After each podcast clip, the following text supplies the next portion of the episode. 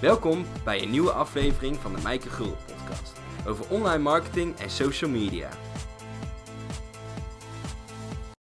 Ja, daar zijn we weer. Leuk dat je luistert. En in deze podcast wil ik drie tips met je delen hoe je tijd kan besparen op social media, zodat je het slim kan organiseren, maar wel het maximale eruit haalt. En misschien denk je, ja, je hebt het toch al eerder gehad over tijd besparen op social media en dat klopt. Maar dit is gewoon een van de vragen die ik het meeste krijg als ik uh, trainingen geef, als ik één op één sessies doe. Van pff, Maaike, het kost gewoon zoveel tijd. En ja, social media kosten tijd, zijn hele belangrijke marketingkanalen die niet mogen ontbreken. Maar als jij ook klanten wil halen uit social media, gaat het niet werken als je alleen maar gaat zenden.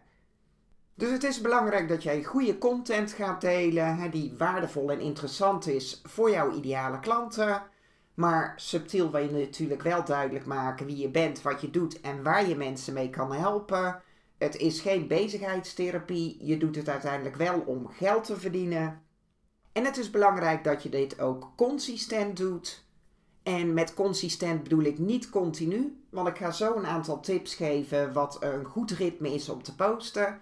Daar ben je misschien verbaasd over, want dit is echt niet dagelijks.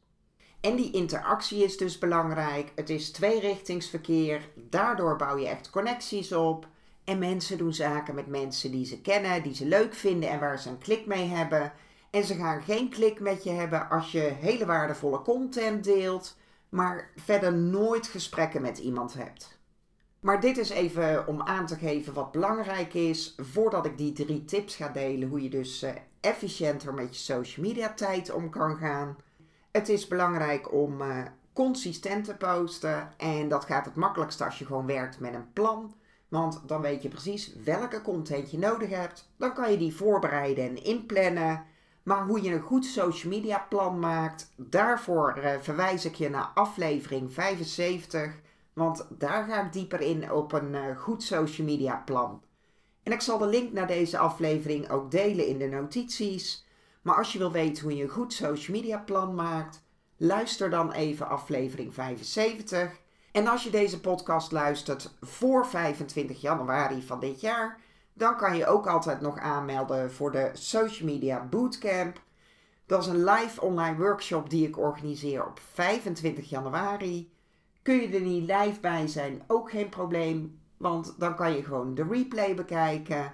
Maar dan ga ik je echt leren hoe je een goed social media plan maakt, zodat je social media heel goed in kan zetten zonder dat het al te veel tijd kost. En het gaat niet alleen over je social media, maar over je hele marketing. Want social media staat niet los van de rest van je marketing. Een aanrader wordt een hele waardevolle workshop. Ik uh, kan dan ook je vragen beantwoorden. Je krijgt ook handige werkboeken en checklijsten. En ik ga ook zorgen dat ik het je dus echt heel gemakkelijk maak.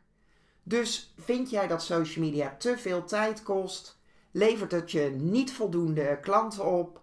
Kijk dan op de marketingfactory.nl slash bootcamp. Maar het is dus belangrijk dat je consistent post en dat werkt het beste met een goed plan en dat je ook interactie aangaat. En wat ik al zei, consistent betekent niet continu. Je hoeft echt niet iedere dag iets te posten. En uit een recent onderzoek van Cousteau, die hebben echt duizenden berichten onderzocht op eh, LinkedIn, Twitter, Facebook en Instagram. En die hebben gekeken wat eigenlijk het uh, meest optimale ritme is om te posten. En daar ben je misschien verbaasd over, maar daar kwam uit niet dagelijks, behalve op Twitter. Daar gaat het zo enorm snel dat je op Twitter echt iedere dag iets moet posten als je daar echt zichtbaar wil zijn. Als je wil dat het je ook iets op gaat leveren. Maar bij die andere platformen hoef je echt niet dagelijks iets te posten. Op LinkedIn is dat één keer per drie dagen laat zo'n uh, post even werken. Want die haalt uh, een bepaald bereik op dag 1, maar ook op dag 2 haalt hij nog voldoende bereik. En als je dan weer een nieuw bericht gaat posten, dan snoept hij als het ware bereik af van die eerdere post. En daarom is het niet goed om echt iedere dag iets op LinkedIn te posten. Je kan wel iedere dag natuurlijk gewoon uh, interactie hebben en gaan reageren. Maar als jij zelf berichten plaatst op LinkedIn, dan is de meest optimale tijd, volgens dat onderzoek van Cousteau dan, hè, want het is altijd een kwestie van uitproberen, maar daaruit bleek één keer per drie dagen. En dat geldt ook voor Instagram. En dan heb ik het natuurlijk alleen maar over de tijdlijn en niet over de stories. Maar ook daar blijkt dat zo'n bericht gewoon wat langer werkt en dat het goed is om uh, één keer per drie dagen iets te posten. Op Facebook gaat het iets sneller. Daar is het één keer per twee dagen, want daar behaalt zo'n post op de eerste dag al een groter bereik. Dus ik zal dat nog even herhalen. Op Twitter is dat dagelijks. Op LinkedIn en Instagram één keer per drie dagen. En op Facebook één keer per twee dagen. En ik zal ook de link delen naar dat onderzoek van Cousteau, zodat je dat even terug kan lezen. En dit gaat dus over het posten. die interactie kan je dagelijks hebben. In aflevering 70 leg ik bijvoorbeeld uit hoe jij je privéberichten in kan zetten om echt die relaties aan te gaan op social media.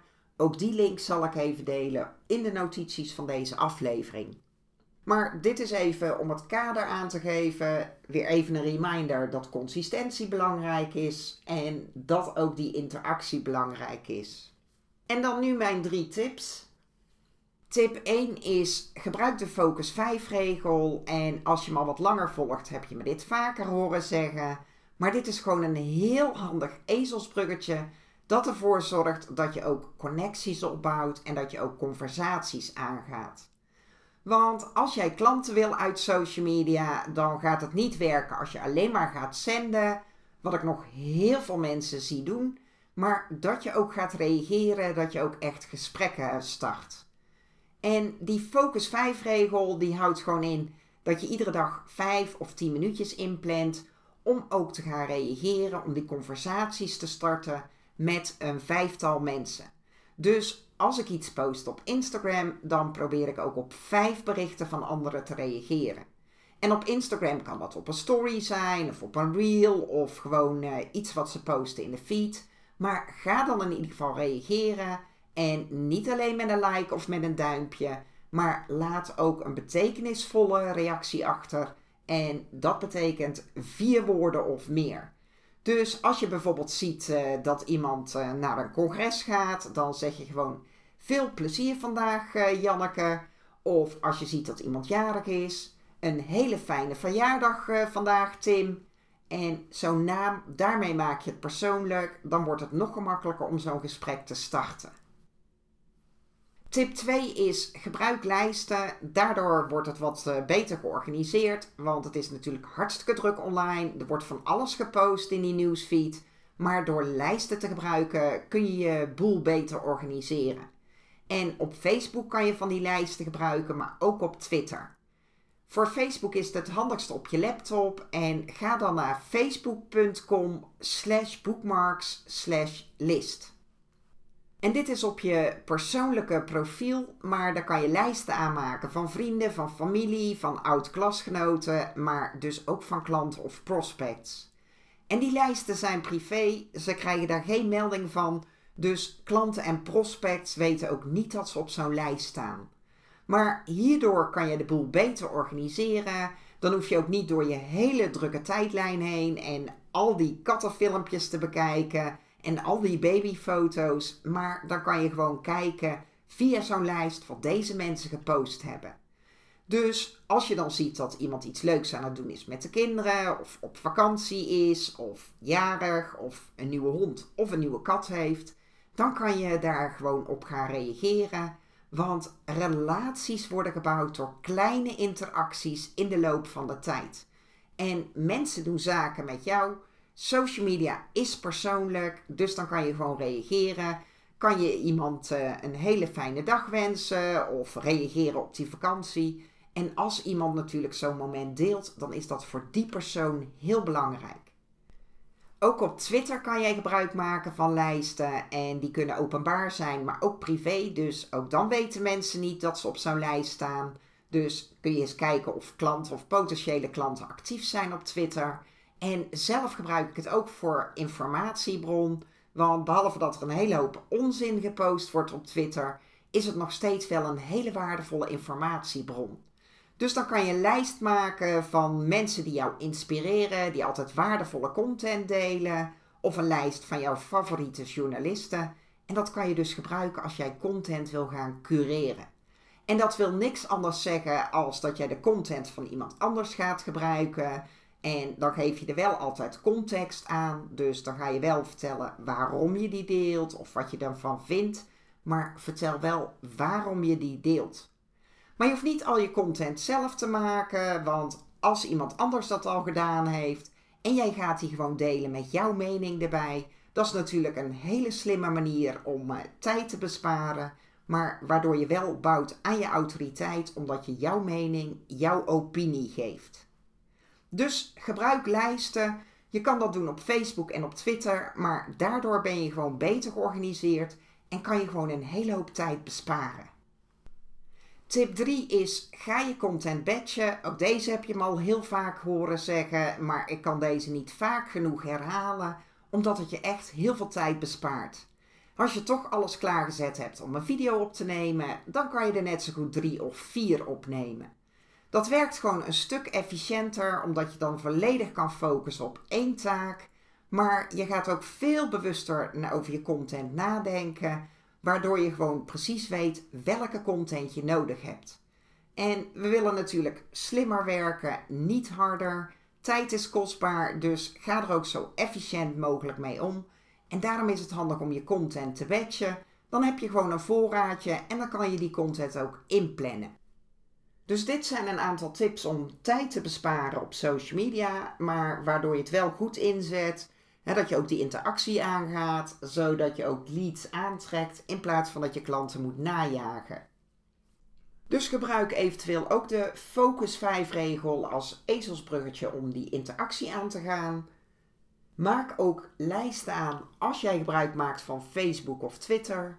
En ga vooral je content ook batchen en als je nog wat meer wil weten over dat content badge, daar heb ik ook al eerder een aflevering over opgenomen. Dus luister die dan even terug. Dat is aflevering 73, maar daarin ga ik dus dieper in hoe je social media content kunt badgen. Hopelijk vond je deze tips waardevol. Laat me vooral weten welke tip je als eerste toe gaat passen. En heb je suggesties voor een andere podcast? Dus loop je ergens tegenaan met social media of je online marketing? Laat het me dan ook weten van goh, Maaike, fijn als je daar een keer een aflevering over zou maken. En als je deze podcast voor 25 januari eh, van dit jaar hoort, dan kan je nog aanmelden voor de Social Media Bootcamp. En ik wil je in ieder geval bedanken voor het luisteren en dan wens ik je nog een hele fijne dag en graag tot de volgende aflevering. Bedankt voor het luisteren naar de Mijke Gulden podcast.